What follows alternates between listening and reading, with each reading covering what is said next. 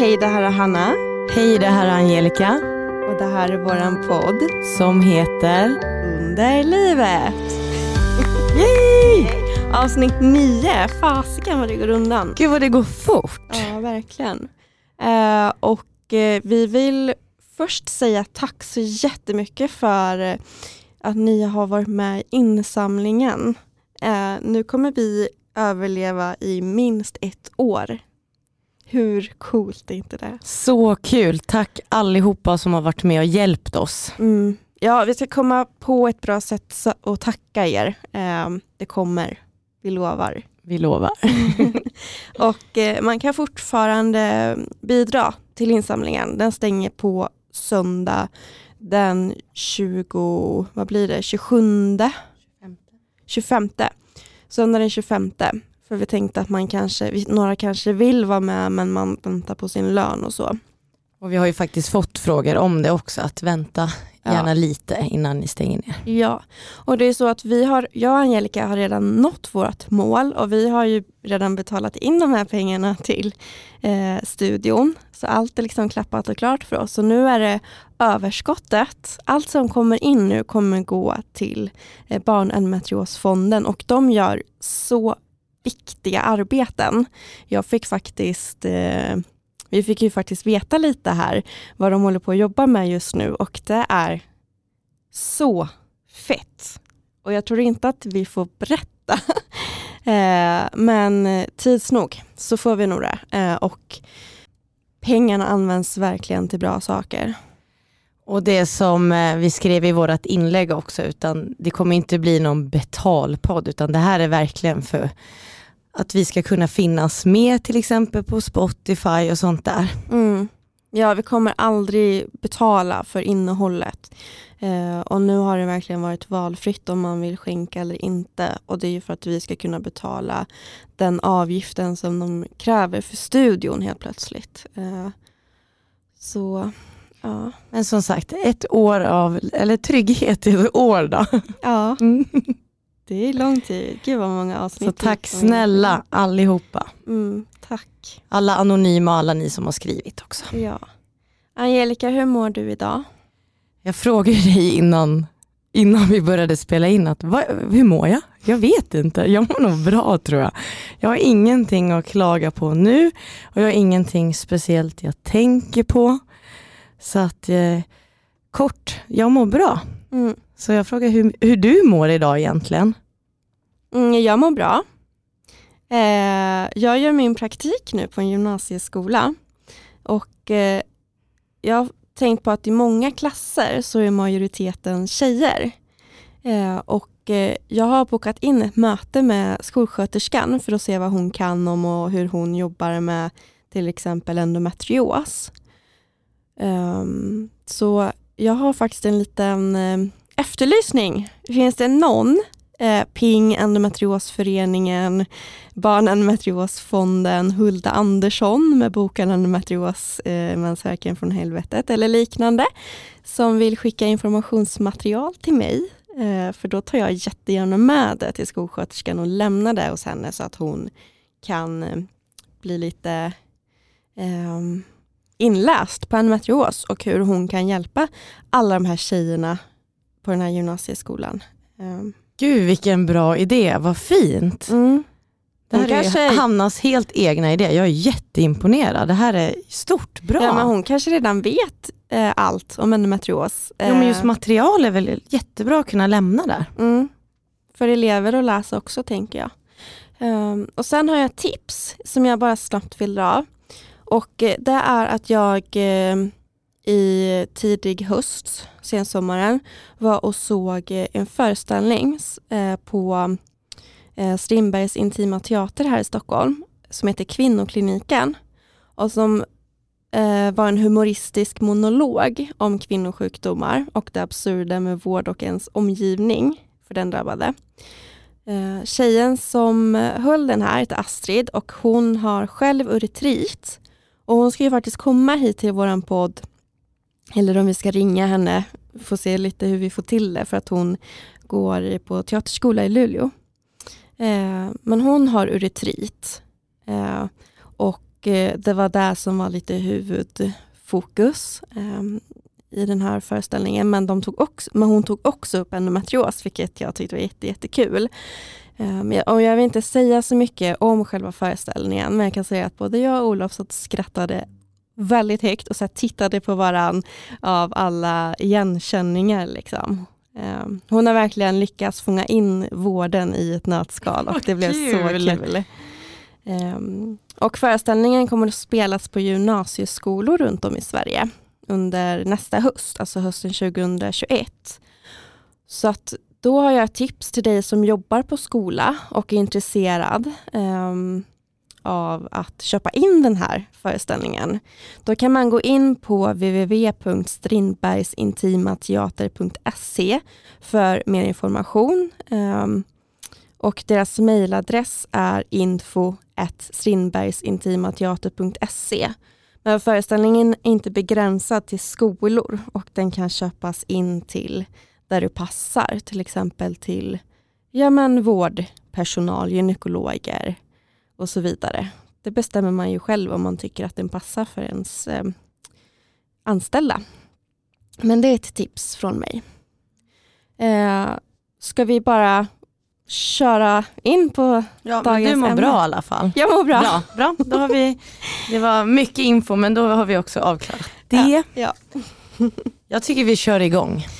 Ja, och dagens ämne är ju då som ni redan har sett i, i avsnittets eh, titel att vi ska snacka om preventivmedel.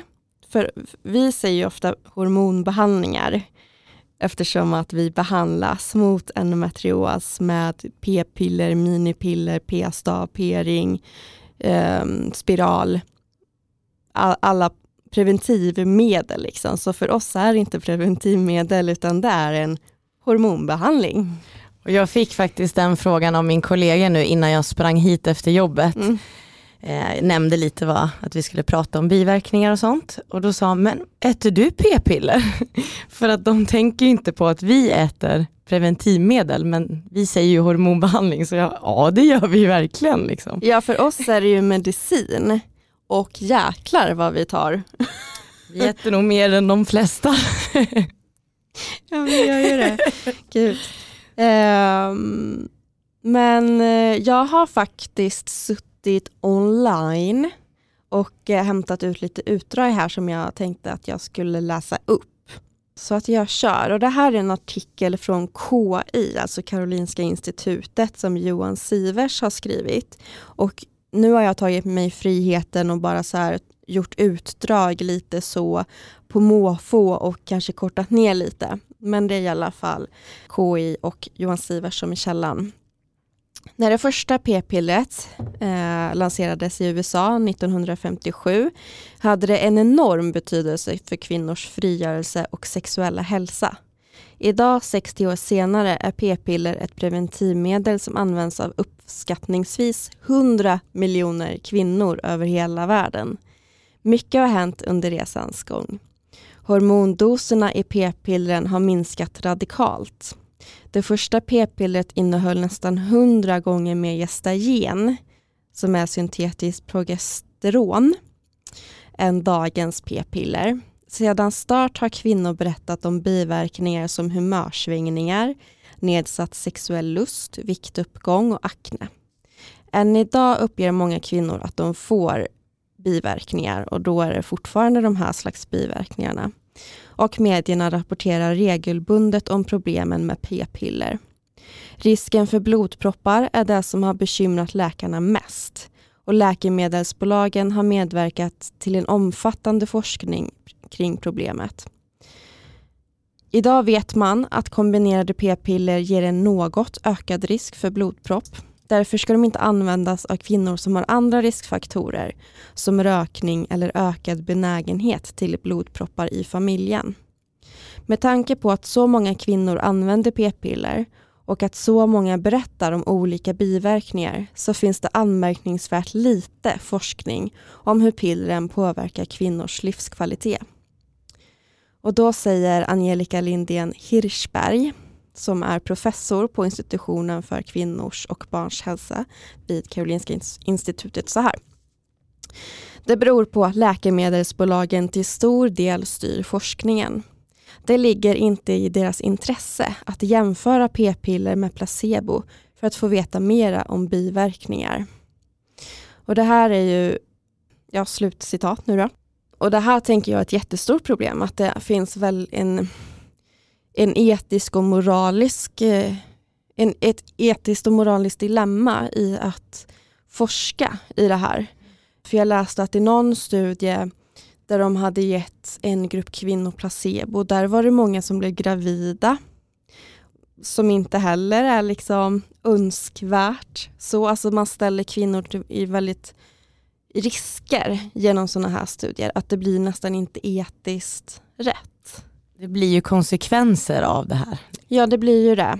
Och eh, jag läste också att ganska så snabbt så vet både den eh, försökspersonen och forskarna vilken grupp som är placebo och inte av ja, men bland annat den orsaken att kvinnorna blir gravida eller av orsaken att man eh, får biverkningar av p-piller, man får mens eh, om man har placebopillerna och så vidare. Så att det är svårt att forska på.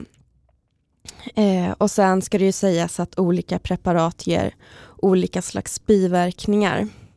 Men jag tänkte på det här eh, med eh, blodproppar.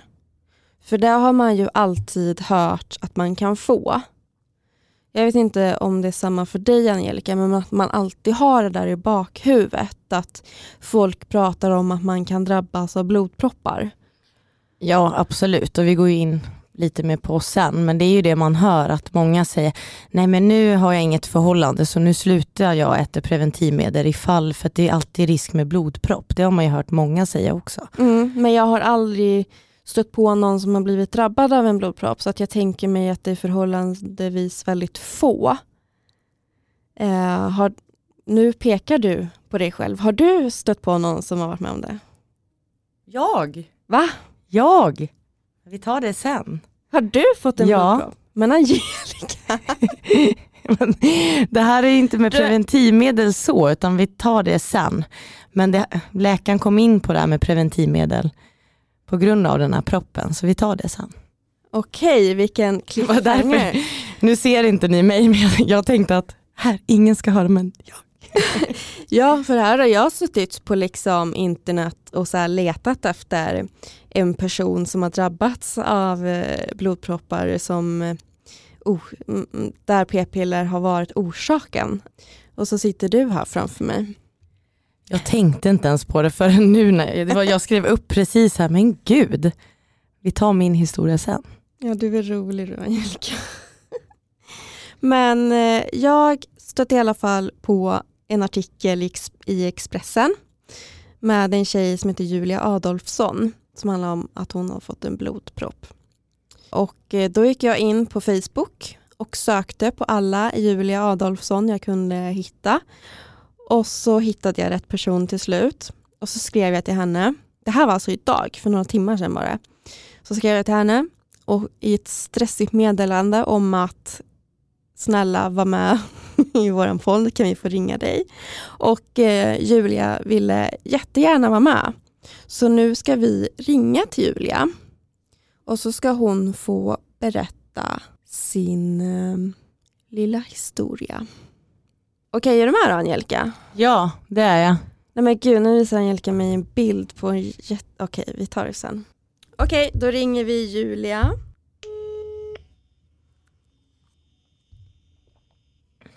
Hej, det är Julia. Hej Julia, det här är Hanna och Angelica. Hej! Hej! Jag har precis här berättat hur jag jagade upp dig på Facebook förut idag. Ja. och du blev ändå inte skrämd att vara med, så det var jättekul. Ja, nej då. Ja, men, gör jag med glädje. Ja, men vad kul. Och din berättelse är så himla viktig också. Det kommer ju alla få ja. höra nu. Um, men eh, du kan få börja med att säga vem du är. Ja, jag heter Julia Adolfsson och jag bor i Falun. Eh, och jag jobbar på Fiskarhedenvillan som bygglovsritare. Ehm, det är så att du är en av väldigt många tjejer som har tagit hormonella preventivmedel och i ditt fall var det p-piller.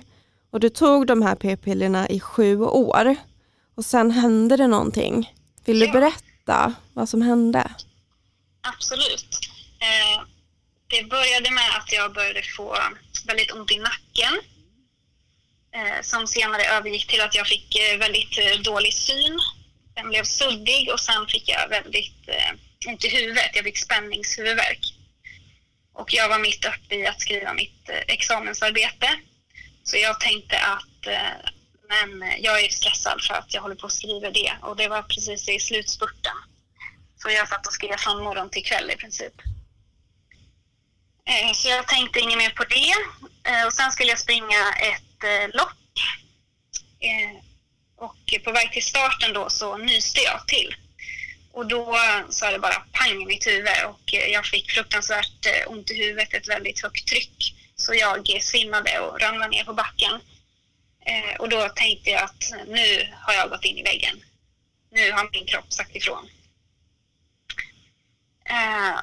Men så var det inte riktigt. Så ambulanspersonalen kom. Som tur var så fanns det sjukvårdspersonal på plats redan. Eh, Så de kom till mig. Men eh, det som var var att jag kräktes väldigt mycket. Eh, så de anade ju att det var någonting som inte stod rätt till.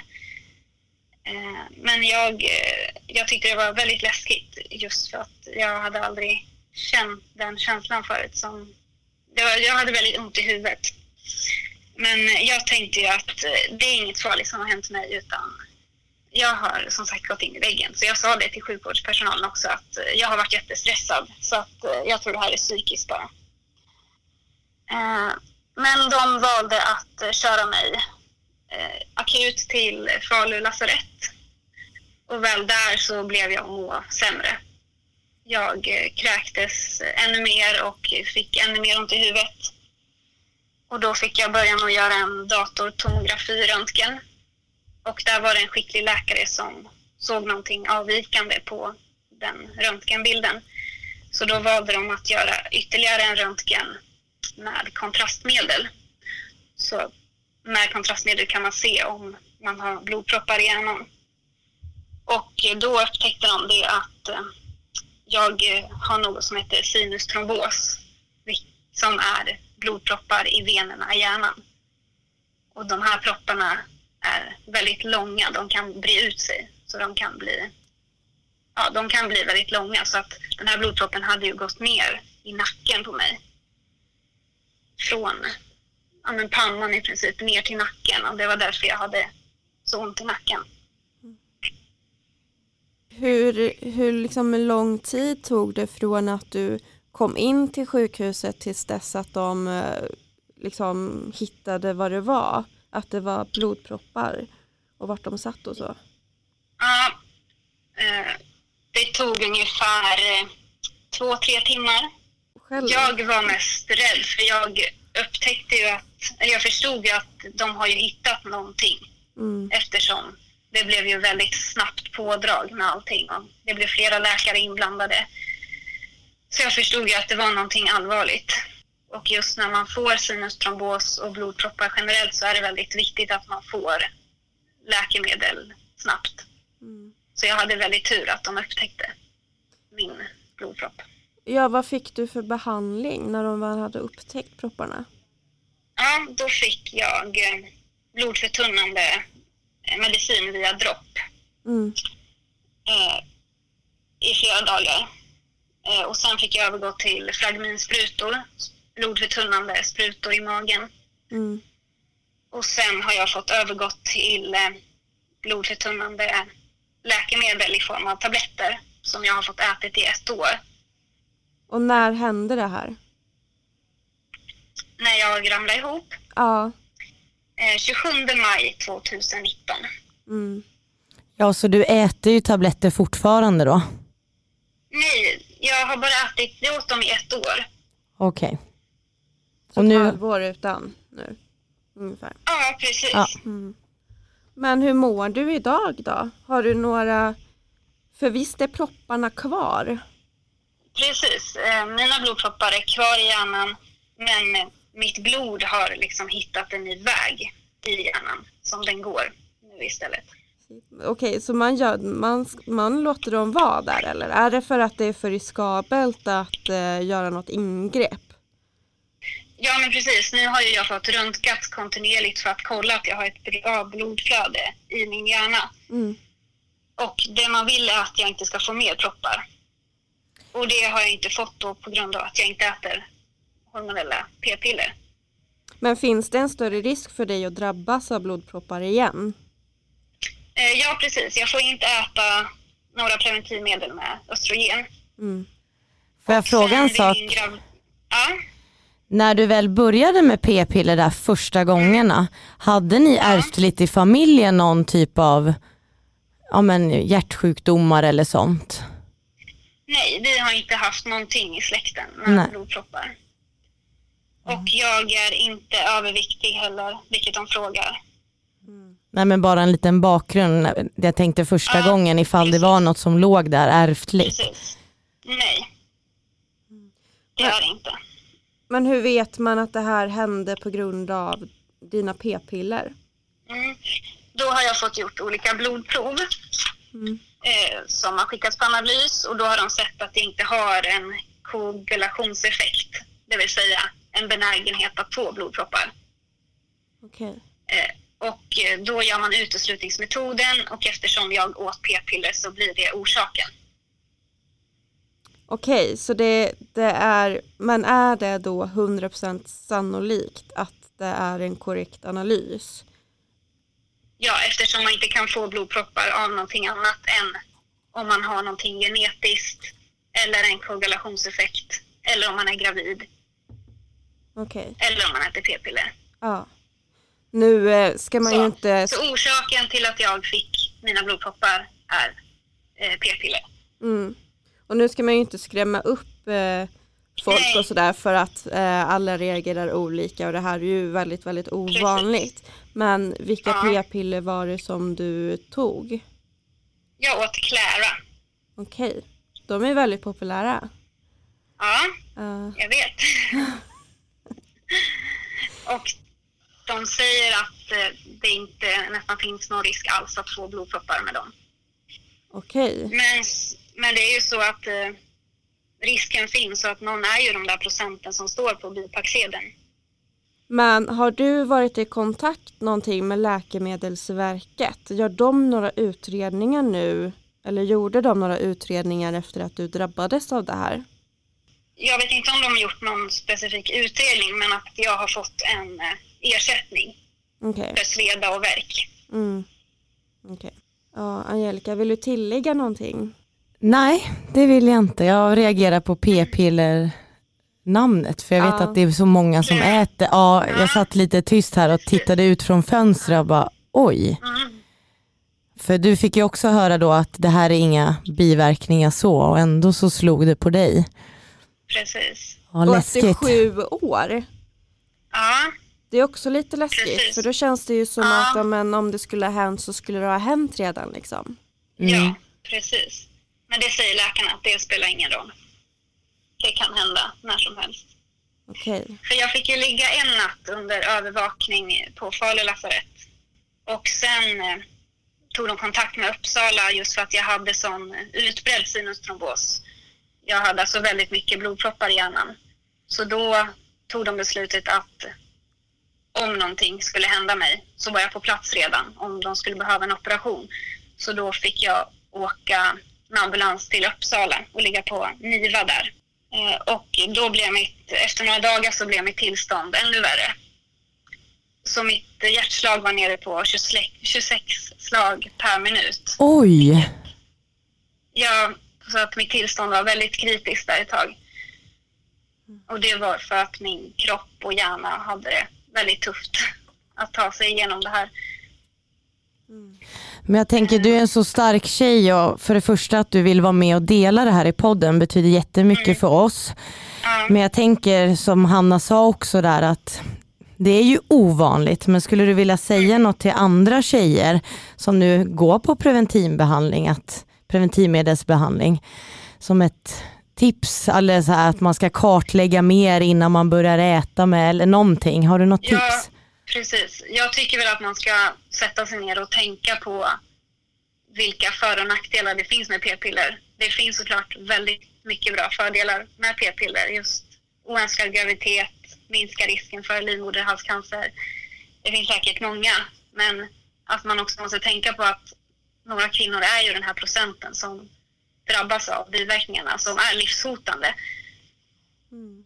Om det verkligen är värt det. För jag var ju jättenära på att stryka med. Mm. Och orsaken till det var mina p-piller jag åt. Mm. Vilket är helt sjukt. Helt sjukt är det. Mm.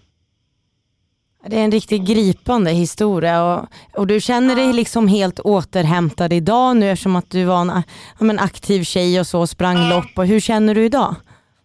Precis. Eh, idag mår jag jättebra fysiskt men psykiskt så hänger ju såklart en sån här historia kvar. Mm. Jag tänker ju på det varje dag. Mm. Ja, ja. Men det tog i princip ett år att komma tillbaks helt fysiskt från det.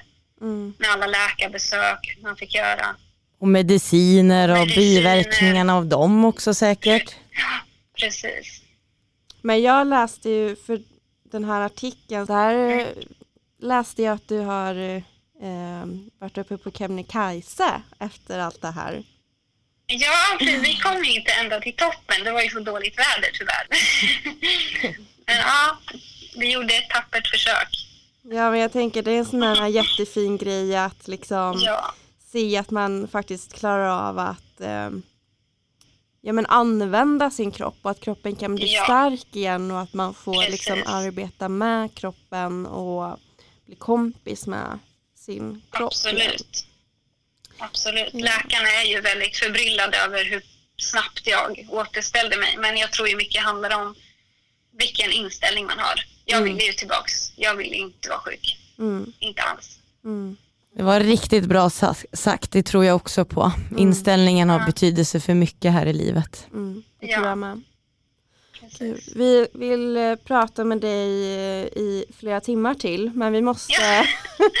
bryta här för att hinna med Ja, lite jag annat studion. med det väsentliga i alla fall. Absolut. Ja, alltså du, och jag Ja. tycker att du är så modig och grym som pratar om det här för det är så viktigt.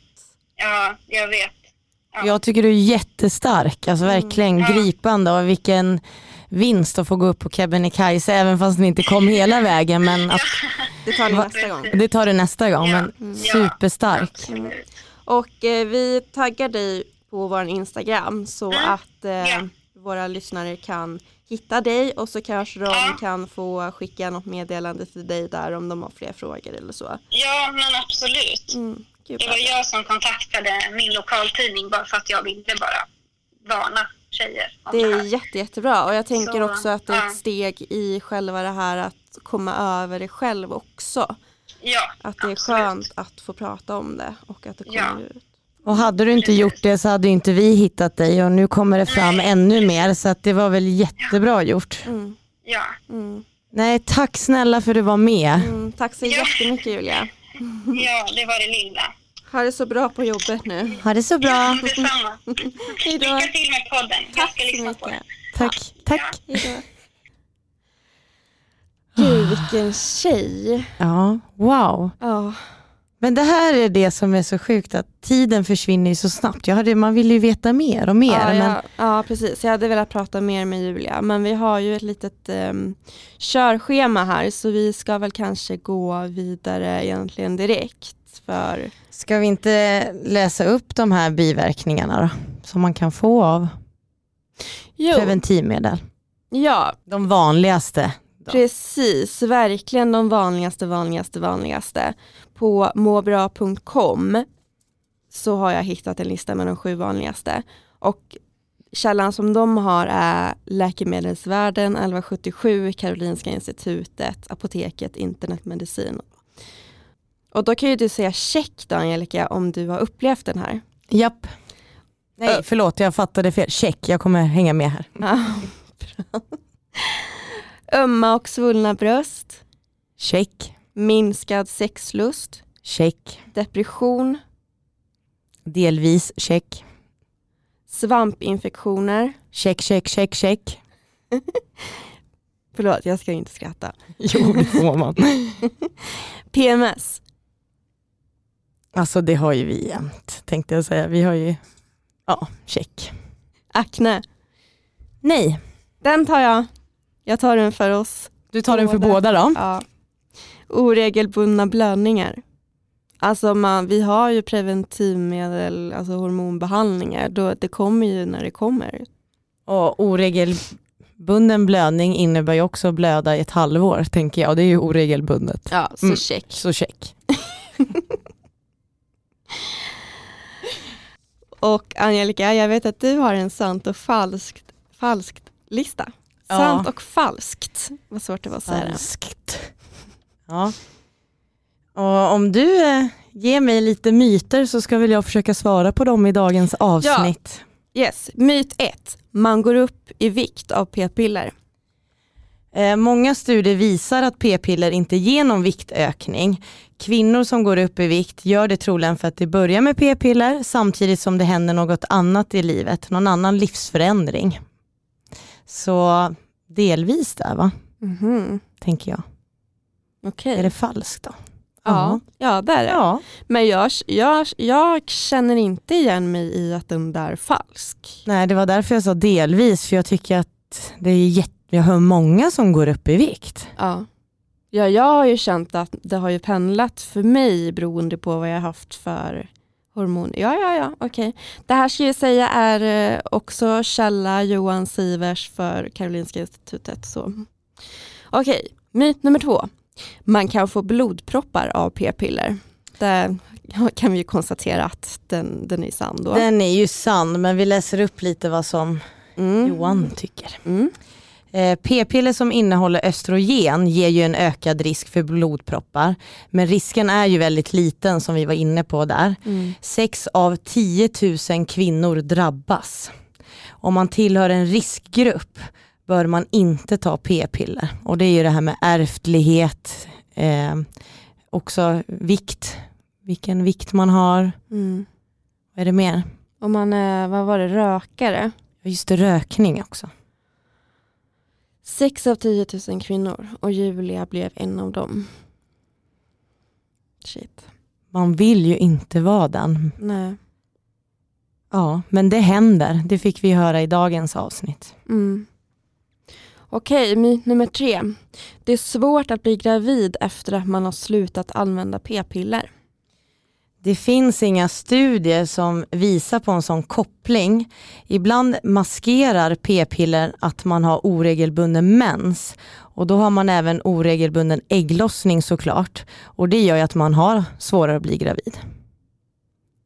Okej, så den kan man inte säga varken Bu eller falskt. bä, nej. Mm. Okej, myt nummer fyra. P-piller ger sämre sexlust. Väldigt individuellt verkar det ju vara här. Vissa kvinnor kan uppleva försämrad sexlust. För många löser sig problemet när man byter till en annan sorts p-piller. Så det är väl viktigt att man pratar med sin gynekolog eller barnmorska om det här om man upplever det. Ja, men jag tänker vad är det som gör att man får sämre sexlust? Är det att man känner att man har torra slemhinnor och inte känner sig liksom redo för penetrerande sex? Eller är det för att man eh, har svårt för att komma och därför är man inte lika sugen på sex? Eller vad är det som gör att man har liksom sämre sexlust? Ja, eller att suget försvinner för att det blir ju en livsförändring när man börjar med p-piller just med alla biverkningar som finns. Mm. Och då tappar man ju suget av liksom, ja, allmäntillståndet. Mm. Som du där på kortison. Ja, då var det ingen sexlust. Okej, sista myten. Myt nummer fem. Man kan bli deprimerad av p-piller.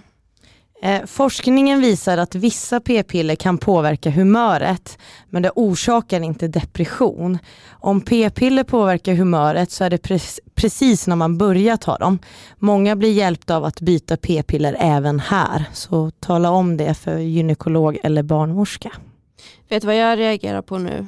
Nej. Att det här är ju, eh, den här listan innehåller samma grejer som den här av de sju vanligaste biverkningarna, fast här är de bara formulerade i myter istället. Men eh, Ja, men det blir väl kul att lyssna på ju. ja, Jag Ja. tycker det här är bra. ja, det här får gå. Så det var lite om sant och falskt. Mm. Pratat om Julias både fantastiska och hemska historia. Mm. Lite om biverkningar. Men jag tänker att... Men apropå proppar, Angelica, Ja. vad har hänt dig? ja, eh, jag var, kommer inte ihåg året nu för jag kom ju på det här nu. Jag har ju förträngt det här. Jag är allergisk mot myggbett. Mina kompisar vet jag får myggbett som kallas vulkaner. Det rinner alltså var ur dem vilket gör att jag får elefantfötter när jag får myggbett utomlands. Det, var mig det, drabb- alltså det drabbade mig utomlands. Det gör att från knäna och ner blir vaderna svullna av vatten och mina fötter är full. Det, elefantfötter kallas det. Blodtillförseln stoppas då. Eh, Jag åt inte vanliga p-piller. Just den här perioden hade jag inte endometrios, så jag åt ingenting faktiskt. Eh, sitter på planet på väg hem från Kroatien med min kompis. Du menar att det här var innan du blev sjuk? Det här var innan jag blev sjuk, men det har en koppling också. Mm. Vad man blir rädd för. Just, ja, jag kommer till det. Sitter på planet och det blir tryckförändringar och mina fötter är, jag, ja, jag kan lägga upp en bild i, på Instagram någon gång. Eh, jag kunde inte ens ha sandaler för mitt, min hud rann över för det var bara vatten. Så när jag gick så var det som att jag gick på vattenballonger. Jättehemsk känsla. Sätter mig på planet, det blir en tryckförändring och sen känner typ att jag mår illa, det knäpper till i foten och ja, men så allmän sjukdomskänsla. Och då ser jag ju mitt, eh, min fot, att det är liksom som en, ett fyrverkeri av, det har exploderat, som blodet, blodkärlen har spruckit. Men i mitten är det en röd, riktigt mörkröd sån här propp. Men gud. Så flygvärdinnan är ju, de har, har ju utbildning så jag fick lägga mig där och jag vet inte vad. Jag mådde jättedåligt. Kommer hem, eh, mamma jobbar inom sjukvården och vi åkte direkt in till akuten. För det jag gjorde, för jag var så borta, jag fattade inte ens. För de visste inte riktigt vad det var om en blodpropp. Så när jag kom hem där efter resan och hade tagit taxi så la jag mig bara i högläge med fötterna för jag tänkte att vätskan måste bort. Men jag mådde sämre och sämre och mamma kom och vi åkte in och jag fick blodförtunnande direkt. Så jag fick ju på grund av att blodet liksom, det hade ingen cirkulation och det hade varit så i två veckor. Så den här tryckförändringen gjorde ju det här. Att jag fick en, jag säger lättare, för det var uttrycket som stod på 1177, lättare, så att det gick ju bra med mig. Men det han sa, det var att nu hade du tur lilla fröken, såklart skulle jag bli duttad på huvudet. Hade du ätit p-piller nu så hade den här proppen kunnat gått upp liksom mot hjärtat eller någonting. Och då åt jag ingenting. Så det var ändå lite det här med p-piller vi pratar om. Att hade jag ätit så kanske det hade kunnat gå riktigt illa för mig som med Julia. Men jag ju- blev ju läkt med blodförtunnande och åt det. Först intravenöst fick jag ju och sen tablettform. Men eftersom att du har fått en sån här liten blodpropp i foten nu, eh, påverkar det vilka p-piller och hormonbehandlingar du kan få? Absolut, får inte äta vanliga med östrogen utan det är sådana minipiller som det klassas. Då. Det är gestagener eller pros- Mm, jag får också, jag får inte heller äta vanliga p-piller för jag har migrän med aura. Och då är det någonting som är lite annorlunda med någon syrenivåerna i hjärnan tror jag det är. Så att det finns risk för att få stroke då. Nej, Så att jag har ju en hjälpt hormonbehandling nu för endometrios men Mm. jag kan inte äta vanliga och får inte heller. Nej, okej. Så det var ju bra att vi tog upp, jag kom ju på det här nu, men Mm. det sa jag till Gyn när jag började min endometriosresa att jag hade varit med om det här. Mm. Men det gick bra, men eh, det kan hända alla. Men det här var en lättare, men det var inte av p-piller, det får vi tillägga också. Mm. Men p-piller hade kunnat göra skadan större. Ja, jag hade ju blivit inlagd och ha- det hade kunnat gå riktigt illa. Så att där hade jag väl också tur, men jag vet inte om jag var en av de här sex av 10 000, för jag hade ju inga p-piller, utan det här var väl bara på grund av allergien av vätskan i kroppen som vägrade försvinna. Mm, du får stödstrumpor när du flyger Angelica. Jag har det nu Ja, men vad bra. och jag brukar jobba i det också. Ja. Det var det. Ja, ehm, nu har vi bara några minuter kvar. Men jag kan säga eh, vilka biverkningar jag har fått i samband med hormonella behandlingar. Och nu säger jag hormonella behandlingar istället för pre preventivmedel, för det är ju vad det här för mig. Jag har fått jätte, jätte, jätte, jätte, jättemycket akne. Och alltså jag har verkligen varit så, herregud vad mycket akne jag har haft. Och de har gjort ont och de har liksom fått mig att känna mig jätteful. Och, Ehm, um, nej, de har varit riktigt jävliga. Alltså. Så här röda. Det var jättekämpigt för mig att ha den där aknen. Sen provade jag med um, långa antibiotikakurer på flera månader och receptbelagda krämer som liksom kliade jättemycket. Ehm, men jag blev kvitt aknen och jag var så glad för det. Sen satte jag i en Mirena-spiral. Det kom tillbaka. Värre än någonsin. Och jag blev så ledsen. För nu var jag så här, jag orkar inte det här igen. Speciellt inte nu när jag har så här känt på lite hur det är att inte ha akne. Men jag var, hade ju fortfarande fullt med ärr. Så då gick jag till eh, hudläkaren. Och eh, innan han hade stängt dörren till eh, mottagnings eller undersökningsrummet så sa han, du ska ha Roacutan. Eh, och Roacutan, idag heter det ju isotretinoin, men Roacutan är ju där, den där medicinen som man Ja, men som har fått ett jättedåligt rykte om att om man tar den så kan man inte bli med barn för det är fosterdödande. Och det finns folk som har tagit dem och eh, begått självmord för att man blir så deprimerad på dem och så vidare. Men gud vilka biverkningar. Ja men jag läste jättemycket om det där och det är ju att ha akne, att ha så svår akne gör ju också att vissa blir väldigt deprimerade. Så det är ju deprimerade personer som tar den här medicinen. Så, så det kan lika gärna vara att de liksom Det går hand i hand lite där. Ja, Mm. att det kanske inte är läkemedlet i sig utan att det är um, hudbesvären som gör um, depressionen. Jag uh, uh, käkade de där tabletterna i nästan ett år. Man fick inte vara i solen, man fick inte dricka alkohol, jag var tvungen att göra graviditetstest varje gång jag skulle få nytt recept. Eh, det kändes verkligen som lite så här, eh, vad heter den där serien eh, med hon June?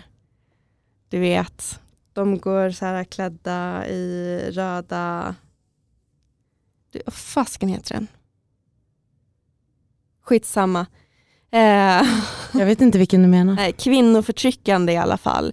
Att så här, nej men jag har inte haft sex den senaste gången jag var här. Nej men vi litar inte på det, du måste ta ett graviditetstest. Liksom. Men jag blev fri från aknen och eh, jag är väldigt, väldigt restriktiv nu vad jag tar för hormonbehandlingar. Jag orkar inte liksom få en sån omgång med akne igen för att det tar verkligen hårt på självförtroendet. Alltså. Jag ska lägga upp bilder hur, hur illa det var för mig på Instagram. Jag ser ju ingenting idag. Nej, idag har jag, alltså det är helt sjukt. Jag har knappt en por idag. Det är helt sjukt. Jättefin hy. Jag, nu var det ett år sedan jag slutade med de där och jag har liksom, jag får någon liten finne här och där. Ja, det är sjukt. Det är mirakelmedicin. Jag har så svårt att se det för jag har ju aldrig sett så jag vill ju också se de här bilderna du lägger upp på Instagram. Mm. Och det måste ju påverka självförtroendet jättemycket. Ja det gör ju det. Och man, jag satt ju framför tim, liksom i timmar framför spegeln och la jättemycket pengar på smink. Liksom. Och eh, ja, det var, det var inget kul. Men det är över nu. Så det är jätteskönt. Och du upplevde också viktökning som vi var inne på. Mm. Mm. Också efter spiralen faktiskt. Eh, och även om jag tog ut den så fortsatte jag gå upp i vikt och jag fortsatte även få mer akne. Så där tyckte jag var ändå lite överraskande att biverkningarna kvarstår efter att man har slutat och med ett piller eller att jag tog ut eh, spiralen. Konstigt. Ja, det är väldigt, eh, det är lite som att välja mellan så här pest eller kolera för vi har ju inte riktigt några alternativ med, alltså det är ju mm, P preventivmedel som vi blir erbjudna vi som har endometrios. För att det är det som stoppar blödningar och då tänker man att då kan endometriosen liksom torkas ut. Men eh, vi, vi mejlar ju faktiskt med en tjej som erbjuder alternativa metoder för eh, behandling av endometrios. Som kommer gästa oss när vi har säsong två, blir det, nästa år. För att hon är så himla upptagen. Det ska bli jätteintressant. Ja, För det är ju så, vissa kan ju inte äta preventivmedel. Och vad gör man då om man har endometrios? Mm. vill man ju höra, vidga sina vyer och se om det är något som kan hjälpa en. ja och jag vet att det är många eh, där ute som är intresserade av den sortens medicin också. Och vilka är vi som inte ska hålla den dörren öppen för dem. Så det ska bli intressant. Ja, vad känner du? Är vi nöjda? Jag är nöjd. Jag är också nöjd. Vad bra. Då avslutar vi. Följ oss på Instagram. Vi heter Underlivet podd. Där kommer vi tagga Julia så att ni kan hitta in till hennes konto. Jag heter Hanna Oredsson på Instagram om ni vill följa mig. Och jag heter Angelica Hackala om ni vill följa mig. Och så ses vi om två veckor. Ja, tack för idag. Tack för idag. Hej då. Hej då.